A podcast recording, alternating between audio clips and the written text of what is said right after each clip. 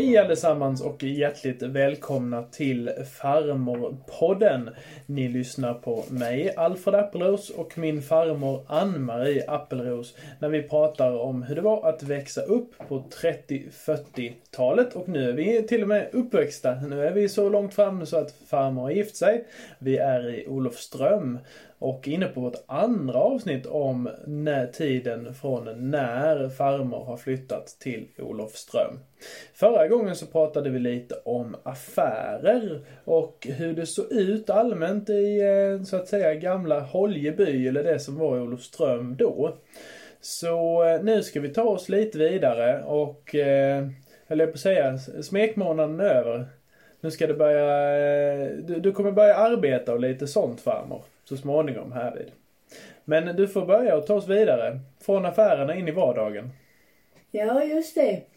Jo då, nu var Ragnar igång och jobbar ju igen. Och eh, innan jag flyttade upp här så hade han ju sagt till sin chef, Johan Widerstrand som var chef på eh, kontoret på eh, Volvo då, på den avdelningen där Ragnar var, det hette planeringen. Och då hade Ragnar sagt att nu ska jag gifta mig och min fästmö hon har jobbat på kontor i Landskrona. Finns det något arbete för henne här för hon vill gärna eh, ha ett arbete. Ja då, sa Johan. Och hon kan börja den första december. Vi hade ju gift oss den 8 oktober. Mm. Och jag skulle ju, det var ju mycket att ordna i lägenheten med allt till att börja med. Men sen hade jag också lovat min mor att jag skulle komma hem och hämta lite vinterkläder och kanske lite saker till julen och eh, till julgranen och sådär. Och då skulle jag komma i, i ja det var närmare slutet av november. Mm, okay. Och så vi började ju och hade lite gäster. Det var ju våra vänner. Vi umgås, man umgås mycket då.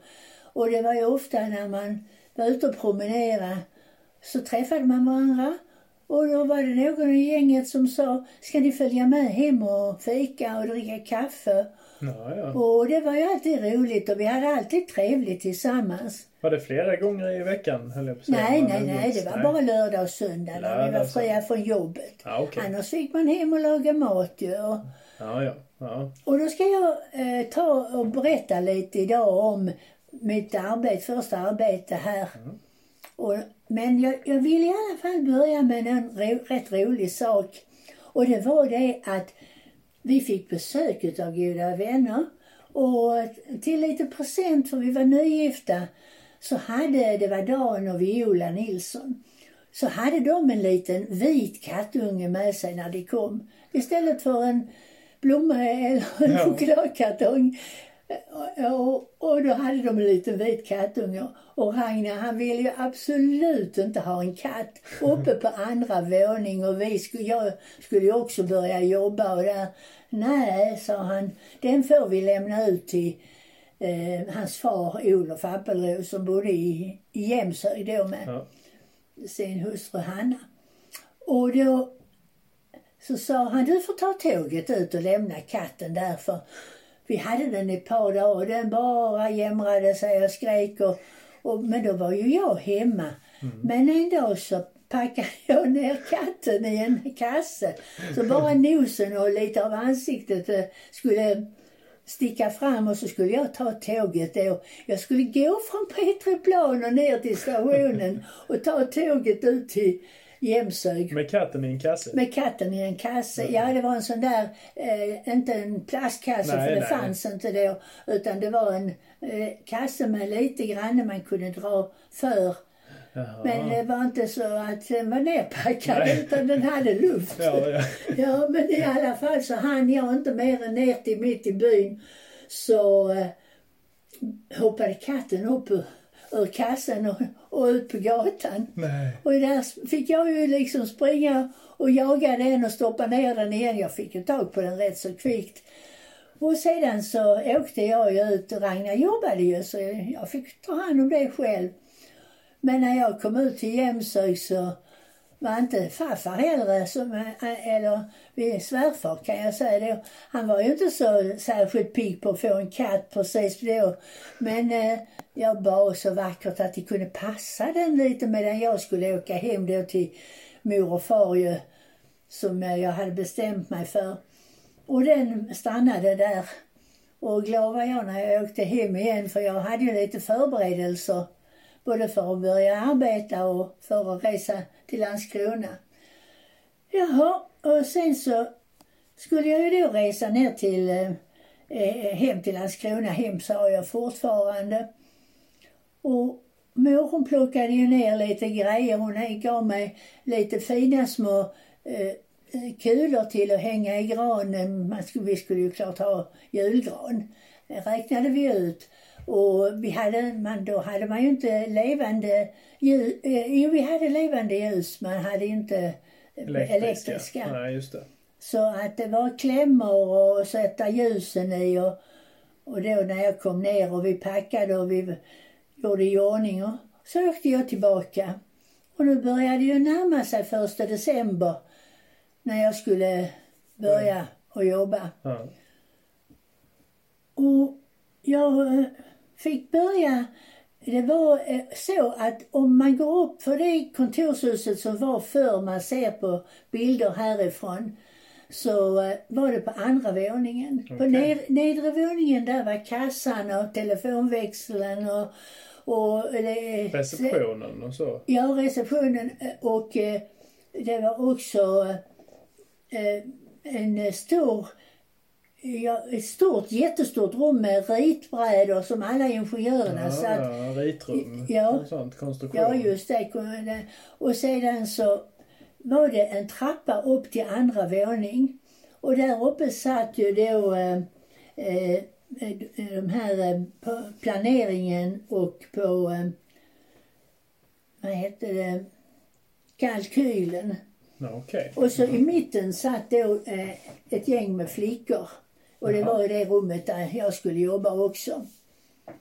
Jag hade till mina första arbetskamrater som jag blev presenterad för då, eh, det var Maja Möllerfors. Mm. Nilsen blev hon sen gift till. Och det var Greta Olsson. Det var Margit Svensson som också kallades för nämndemannens Margit. Nämndemannens Margit. Ja, det var inte så var... gott om nämndemän här. Men Svensson han var duktig och hjälpte till med mycket i kommunen då. Det var hennes far då ja? Ja, det var hennes far ja. Då sa du, det är nämndemannens Margit.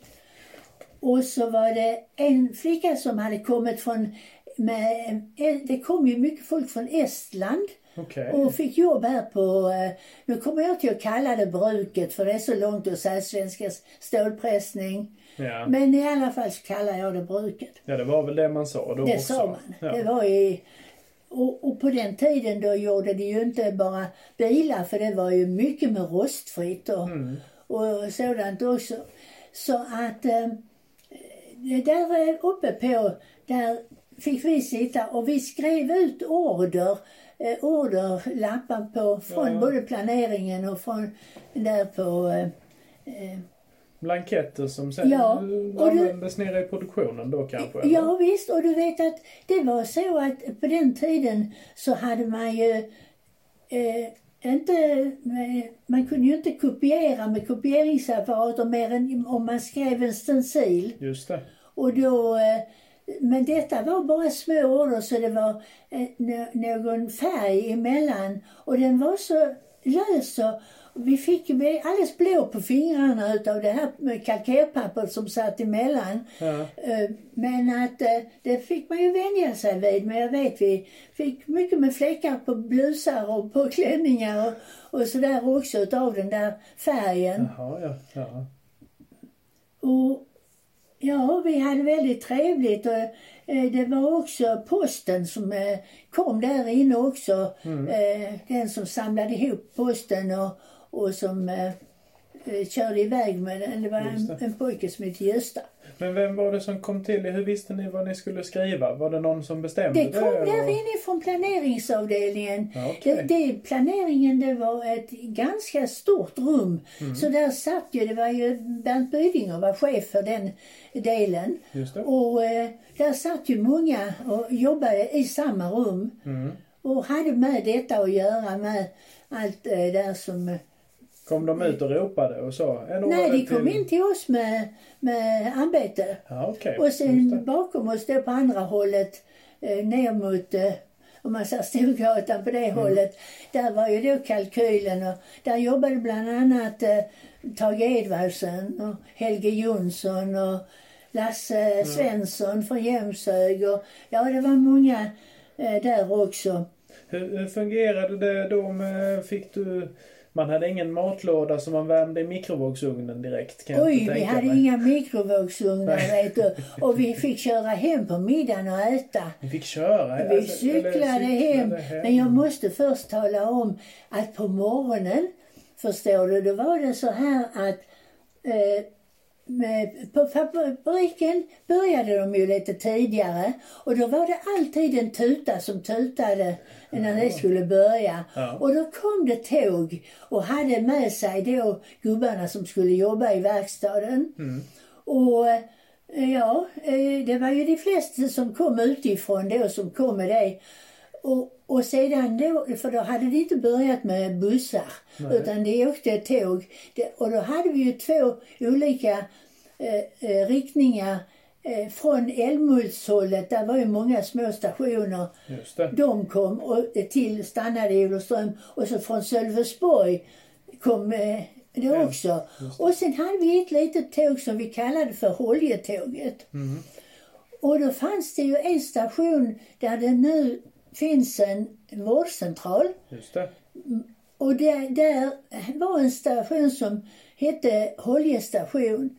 Och det tåget det gick fram och tillbaka till, från Olofström till Sandbäck. Just det. Så de kom ju från det hållet också, från Sölvesborg över Sandbäck. Ja, just det. Så det var många olika... Ja, och det tåget förstår du som kom där, det kom precis förbi höghusen, alltså Petriplan. Ja. Jag säger höghusen ibland för det kallades det också. Och då förstår du så tutade det precis när det kom där vi bodde. Ja. Så Rainer och jag vi steg alltid upp när tåget tutade. Då hade vi som inriktning. Och sen hann vi i god tid cykla hela Storgatan och hela, eh, ja. Vilken det- tid, tid var det ni började? Ja, det var det jag tänker på. att Jag kan inte tro att vi började så himla tidigt. Men jag kan faktiskt inte minnas om vi Mm. började halv nio eller vi började åtta eller, eh, eller var Nej, halv det får vi nio eller nio. då, ja, det får jag ta reda på. Men sedan då så, eh, ja, så fick vi ju gå upp för den här trätrappan upp på andra våning då där vi hade våra kontorsrum. Och det var så, eh, ja det var lite smutsigt och så för intill där förstår du låg en avdelning som hette Betsen. Okej. Och den var ju rätt så, luktade ju rätt så skarpt och jag tyckte synd om gubbarna som jobbade där för det var ju rätt så, jag tror det var lite giftiga grejer och där. Och sen fanns det ju då något måleri och det. Och som det var förr så var det ju inte att man tänkte kanske som nu för tiden att det ska vara hälsosamt och, och bra. Nej. Men till vän, vänster gick vi in till våra kontor då och då låg de på rad där. Och där låg också avlöningskontoret. Okej. Som jag senare fick eh, börja jobba på med också. Hade ni fikarast? Och... Nej, nej, nej, vi fick inte någonting på med sådant. Och, så kaffe och, och kakor och sånt, det, det fanns inte och ingenting man kunde köpa heller där. Utan det var till att, gno på då eh, eh, till klockan 12 när vi skulle köra hem till middag. Och, du vet, det fanns ju inte bron som finns nu. Den fanns inte heller utan vi körde ner vid stationen och över järnvägsspåren. Jaha. Och så kom vi fram på andra sidan, där var bland annat en tennisplan vid sidan om och så kom vi då fram till brukskontoret Mm. där. Och, och så, ja, så att det var inte ofta man gick ner till Eh, fabriken. Det var om de skickade en, att man skulle lämna någonting till någon avdelning där nere. Men det var inte ofta. Men ibland så tänkte vi, det- vi var trötta på att bara sitta. Och då gick vi ju ner. Vi hade ingen sjuksköterska där nere utan vi hade en man, en man som hette eh, Bror. Eh, och han kallade vi för syster Bror. För han gav oss då lite Alvedon, eller det fanns inte då, det hette Albyl. Men eh, om vi hade ont i magen eller det var någonting sådär så gick vi ner en runda där. Jobbade han med att... Han jobbade med och du vet det var många som skadade sig. Jaha. Och då eh, hade han lite förband och alla möjliga sådana saker. Så han skötte om.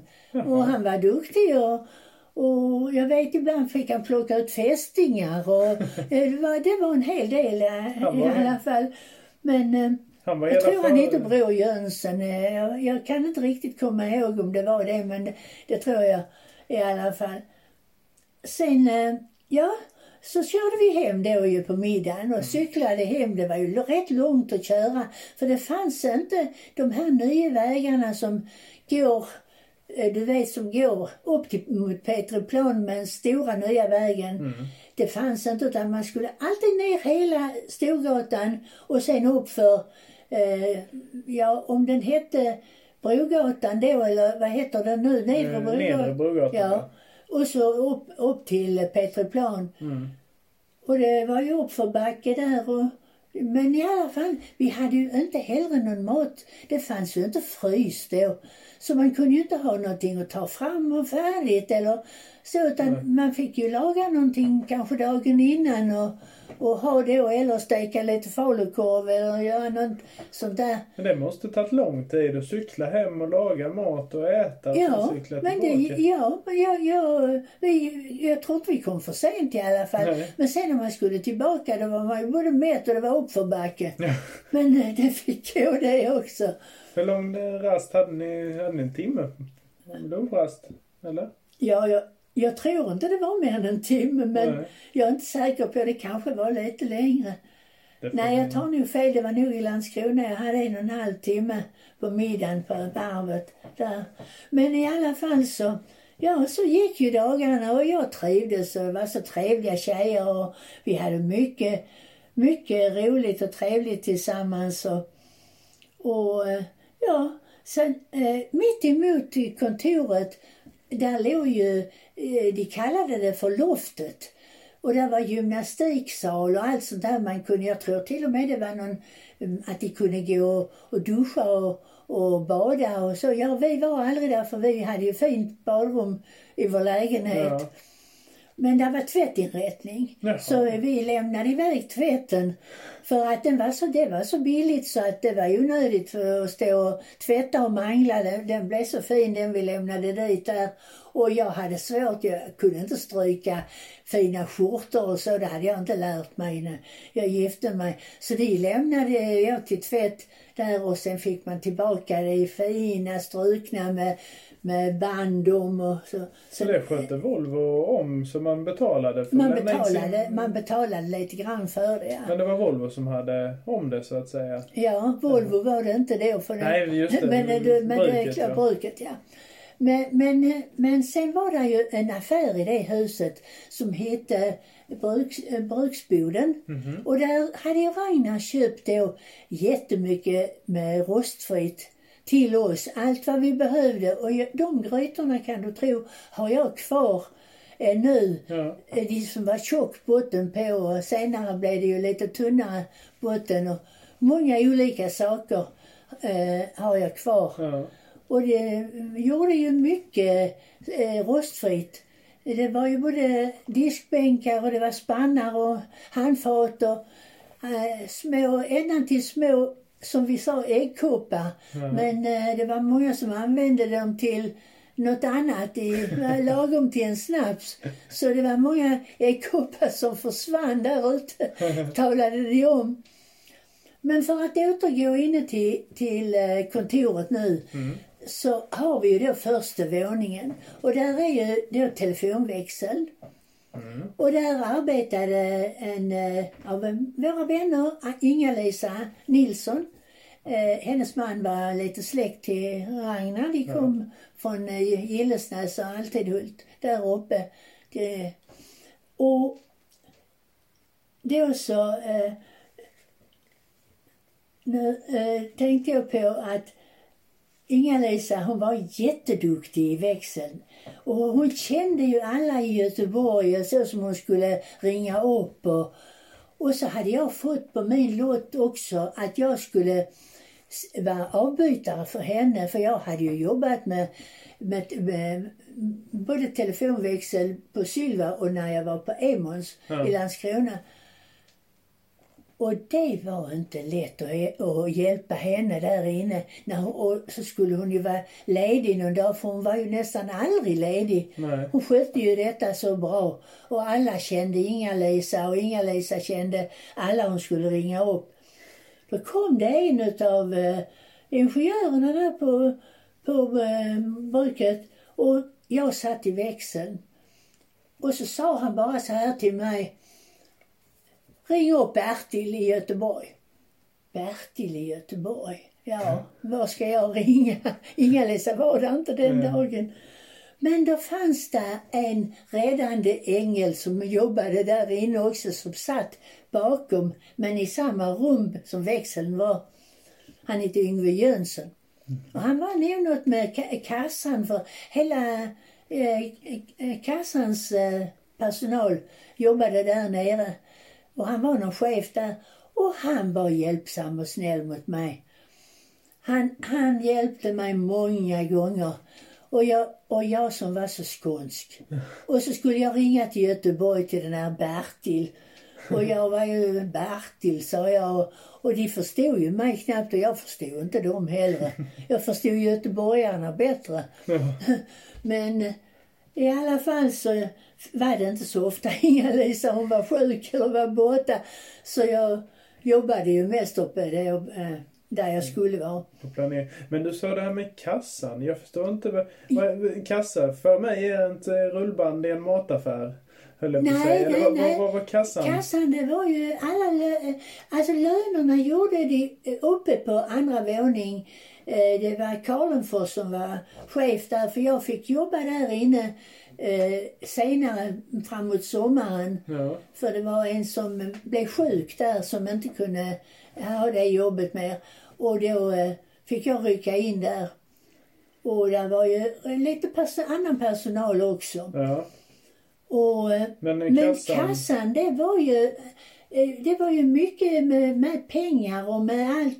Och, och, Alltså de, när de, fick de gå med sina lönelappar till kassan och få ut pengarna då eller? nej, det, nej, men jag, jag skulle tro, jag var ju inte, aldrig själv eh, eh, engagerad i det där nere. Men de gjorde väl, eh, de gjorde väl eh, något, Utbetalningar och ja, allting sådant. För det var rätt många. Ja. Jag vet en granne till mig, Davidsen, Sture Davidsen, han var någon chef där.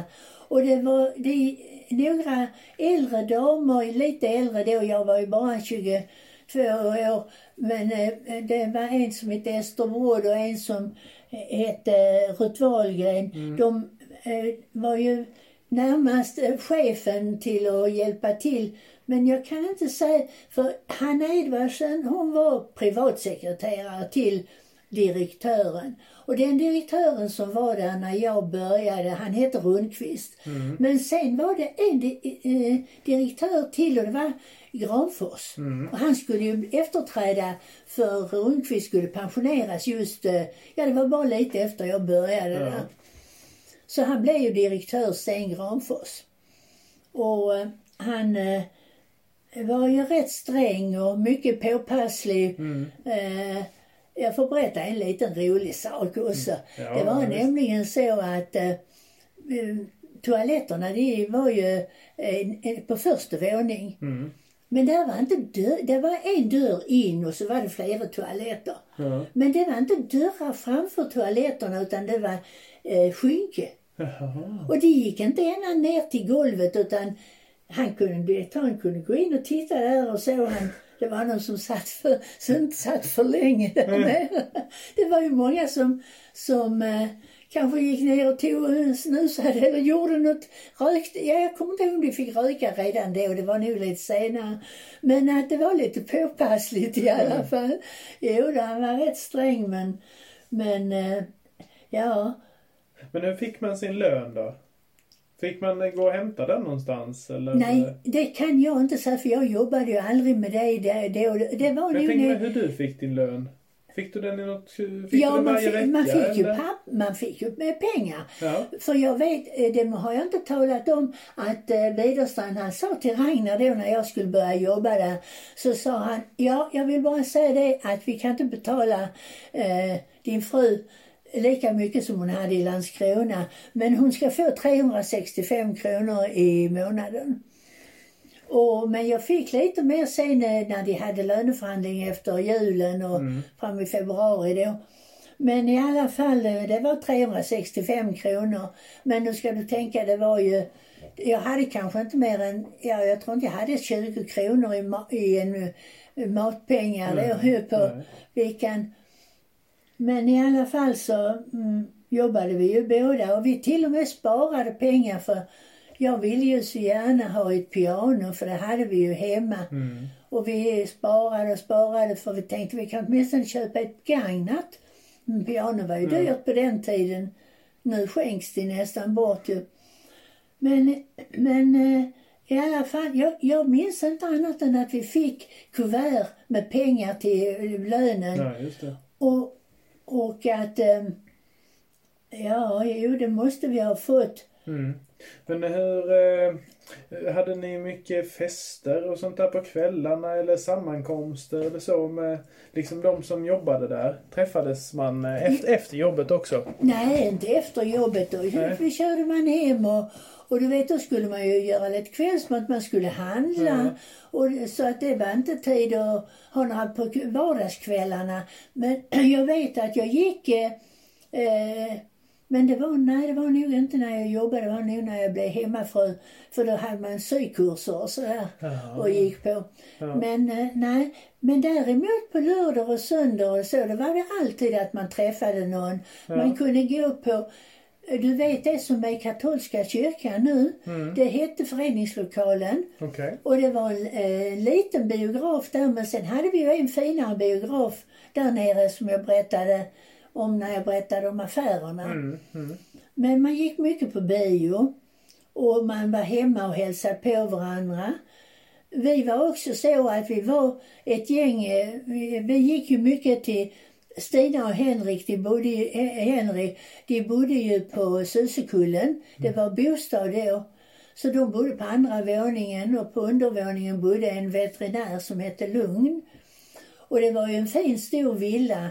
Och Henry han jobbade ju som, det hette först siffergranskare och sen eh, eh, blev det kamrer. Just det. Och, och eh, då där hade Ragnar bott hos dem eh, när han var ungkarl, haft rum där. Så att eh, det kände jag väl till Susekullen för Ja. där, dit skickade jag alla mina kärleksbrev till Ragnar. det hade det, jag tror till och med jag kommer ihåg brevlådenumret 1538 eller något sånt var det. Brevlåda. Och då var det ju till, hem till Stina. De sa, Ragnar han gick förbi där när han skulle gå och äta. Så om det var brev från mig. Och det var det ju nästan varenda dag. Vi, vi skrev mycket till varandra innan vi Mm. gifte oss. ja, eh, i alla fall så var det någon som hette överingenjör. Det Okej. hör man inte mycket nu heller, det är eh, yrke, yrkestiteln. Nej. Men det var John Svensson. Mhm. Han var också en av cheferna där. Och eh, Ragnar tyckte han var mycket bra och rejäl att jobba för. Och jo då. Så att eh, nu har jag väl i alla fall presenterat hur det, hur det kunde se ut där och, och Jo, men en person som också var väldigt trevlig, han, vi kallade honom PP. Okej. Ja. Han hette nog Pettersson och han var, eh, som man säger, vaktmästare. Jaha. Så när vi skulle gå hem på kvällen och, så, och morgonen när vi kom så stod han och bugade och hälsade. Och sen då när vi skulle gå hem, då stod han nere och släppte ut, ut oss och var artig och hälsade. Och, och var, eh, ja han var en riktig, jag tyckte en riktig hustomte. Men han var väldigt, väldigt eh, bra på många vis. Jag kommer så väl ihåg att när jag senare skulle, skulle sluta och jobba då när jag sen eh, skulle bli hemmafru och fick barn. Då kom han och gav mig 10 kronor för jag skulle köpa en nallebjörn till barnet. Vi visste ju inte om det skulle bli pojke eller flicka. Nej. Men jag tror att Staffan han hade den nallen och tog den med sig när han flyttade till Malmö också. Så att han var, han var snäll och, och så mot Ja. oss. Hur många var det som jobbade där på kontoret? Tror du? Var det Ja, många? jag vet inte. Alltså, när jag kom till Olofström, då var det ungefär, då var det ju inte Jämshög och, och, och Gränum och alla de här, eh, vad heter det, kyrkkulter, de är med. För Nej. det blev senare att det slogs ihop. Till För jag har för ja. mig att vi var tre, omkring 3300 invånare. I Olofström, ja. Ja, i Olofström. Just det. Och Olofströms hette ju inte kyrka då, det hette kapell. Mm. Men det var, eh, det, det, är ombyggt nu men den här eh, klockan som ringer och, och den ställningen där- där utanför, det fanns redan då. Mm. Och så fanns ju eh, eh, skolan där ju. Ja. Men, men att eh, vi hade ingenting med eh, kyrkkult. De, de hade sina egna affärer och de var för sig själv. De hade väl blivit, Jäm- Jämshög, eller Olofström hade blivit Köping. Det var nog, eh, jag tror 1941, det var ju innan jag kom hit. Mm. Jämshög hade lite mer andra affärer, det berättade jag nog förra gången om. Så vissa saker fick man ju åka ut till Jämshög. Mm. Bland annat så var det ju läkare där ute. Men du må tro, vi hade en läkare här som eh, var brukets eh, läkare som vi sa. Okej. Han hette Hallberg. Ja.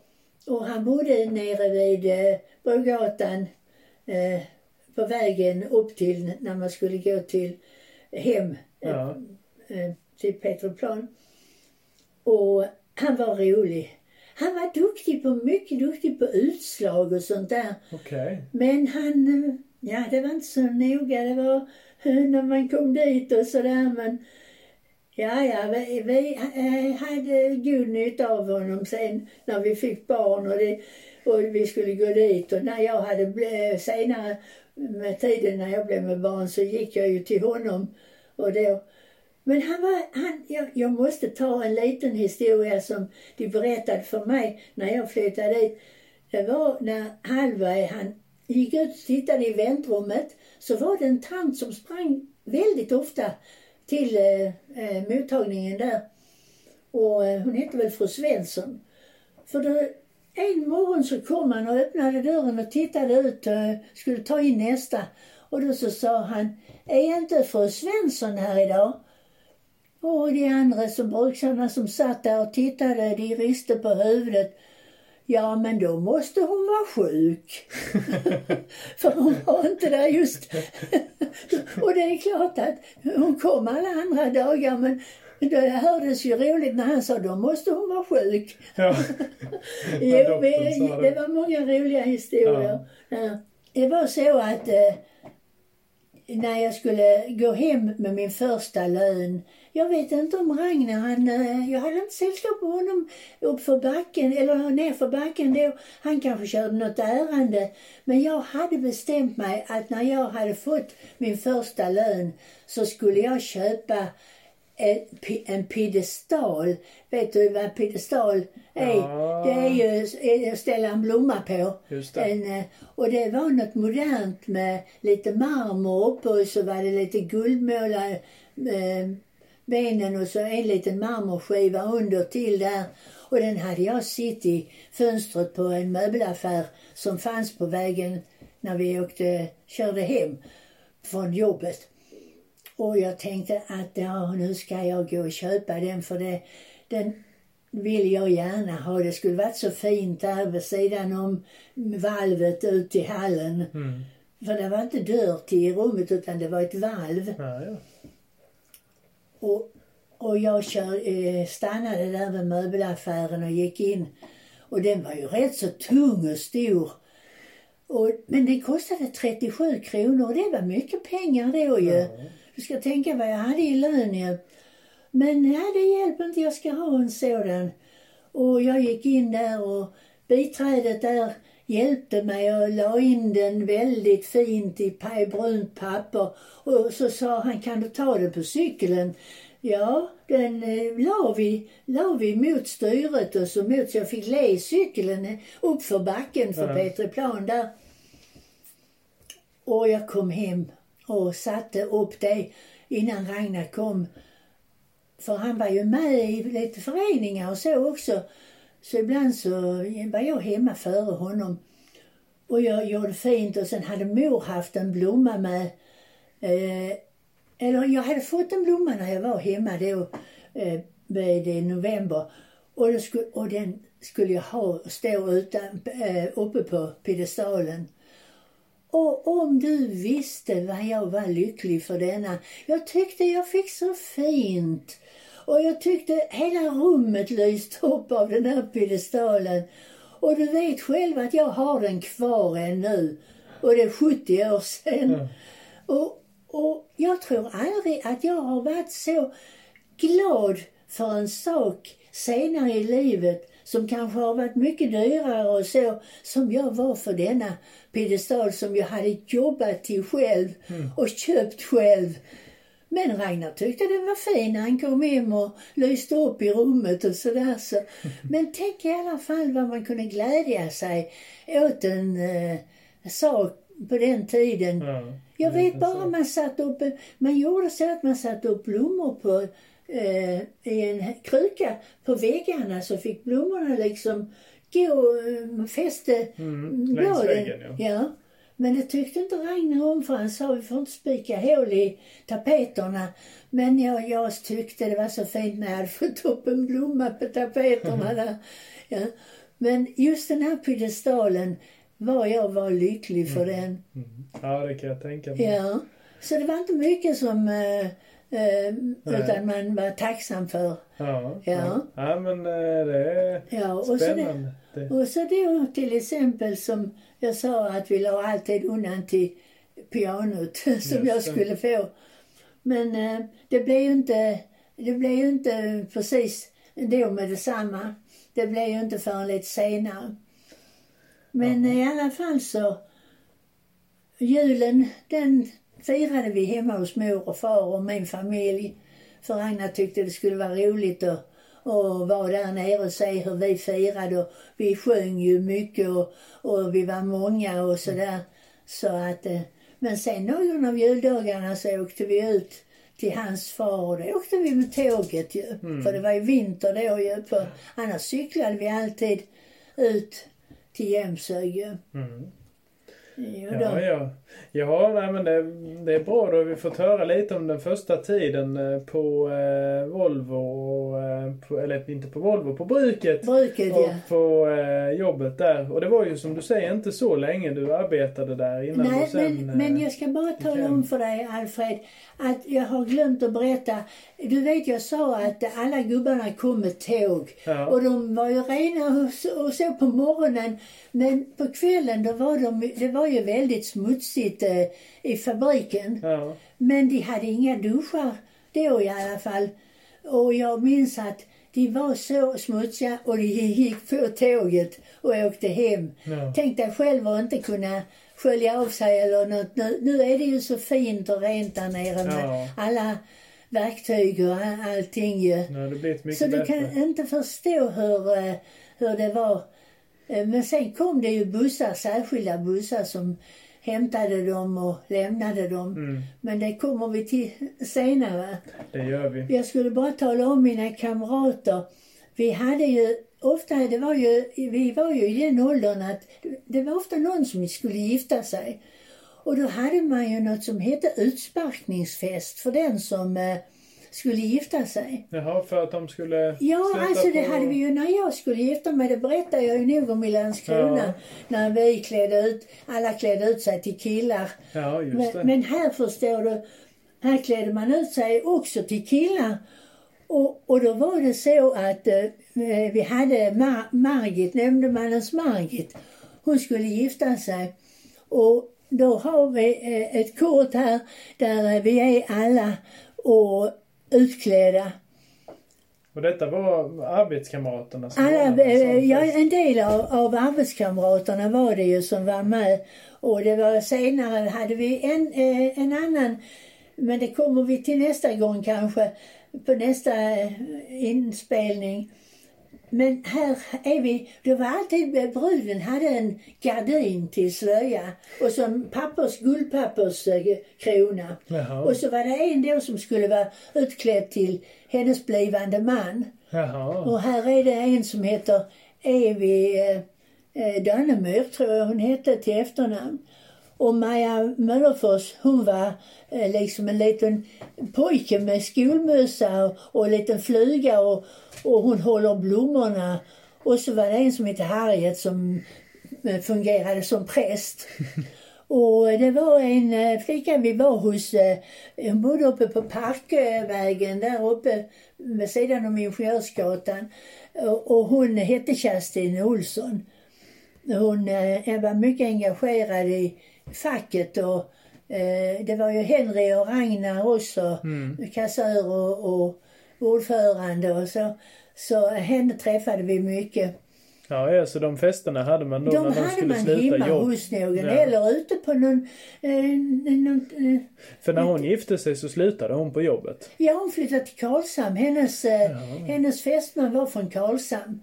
Så hon flyttade till Karlshamn. Så jag, jag träffade inte henne så mycket efteråt men hon jobbade som läkarsekreterare senare på lasarettet. Så jag träffade henne där några gånger. Men eh, hon, eh, hon fly- följde med då till, Till Karlshamn. Ja. Ja, ja, ja, men det men var... jag menar, man- du frågade om vi hade roliga fester. Vi hade ju årsfest på SIF hette ju det som nu heter Unionen. Mm. Då hette det SIF ju. Du vet att jag berättade om att vi förlovade oss på SIF-jubileum, Ja, tioårsjubileum. Och de hade alltid en väldigt trevlig årsfest med dans och mat och, och det var någon som lagade mat där och då var vi just på föreningslokalen. Mm. Och där var alla föredrag och vä- väldigt mycket föredrag. Jag vet Moa Martinsson var här och höll föredrag. Och Harry Martinsen hade varit här. Eh, Men det var nog lite innan jag kom hit för jag minns Ragnar berättade om det. Men eh, Moa som var gift ett tag med Harry Martinsen, hon kommer jag ihåg, hon var här. Och, och ja, eh, det var, det fanns, det var mycket och det var mycket idrott här. Mm. Så att eh, de som ville gå på gymnastik, de kunde det och annars var det ju mycket, det var brottning och, och löpning och allt. Så det fanns alltid någonting för alla som passade. Fanns gott om aktiviteter. Ja, men man hann inte mycket när man jobbade och, och på den tiden då skulle man ju ta ut och piska mattorna varenda vecka även om det inte var hunnit att bli smutsiga. Men det hörde till rutinerna. Och ja, sånt får jag berätta lite mer om. Men nu har jag berättat om bruket och eh, där. Och Ragnar han arbetade ju där i 45 år. Mm. Och nu är ju din pappa eh, där och fortsätter i sin pappas fotspår. Och eh, ja, det har gått många länge sedan jag jobbade där. Men en sak som jag också skulle säga det var att det firades alltid Lucia där nere. Och så hade det ju kommit på att jag brukade sjunga. Så jag fick sjunga då på morgonen. Men Lucia fick jag inte vara för det fick man inte vara gift för att vara Lucia. Då skulle man vara en ung flicka. Jag var inte mer än 22 år men, men man skulle inte vara gift. Men jag fick sjunga i alla fall där nere. Jaha, Så ja. att, och det var på morgonen då. Och lite stämning och alla eh, firade tillsammans. Ja, då fanns det gott om aktiviteter ändå så. Jo, då, det, det Ja. gjorde man. Och på söndagarna då var, gick vi mycket till Stina och Henry för de hade ju sin lille pojke Anders. Och han eh, skulle ju vi, eh, vara hemma för... Och då spelade vi något som heter Visst. Det är något liknande bridge. Eh, och för att, och då var det ju ofta Ragnar och Stina spelade ihop och jag och Henry. Och ja, det var, blev lite höga toner ibland för vi tyckte de kunde, de kunde för bra. Men i alla fall så, så eh, hade vi alltid trevligt och roligt. Och på Susekullen, där hade vi många roliga fester. Det var det. Så jag tänker på det nu när jag hör. Men det ska jag också berätta mer om när vi började samla in pengar till ungdomsgården Susekullen. Men det dröjer ett tag innan det kommer igång. Det gör det. Ja. Vi får fortsätta på alla dessa minnen och Ja. framåt i tiden Jag har nästa kanske gång. hållit på lite för länge idag. vi har mycket att berätta så det får bli Ja. långa avsnitt ibland. Ja. Ja, med det så tackar vi allihopa som har lyssnat och eh, vi återkommer med eh, nya avsnitt framåt om hur livet var i Olofström förr. Så tack så mycket alla som har lyssnat. ja, tack. Vi återkommer.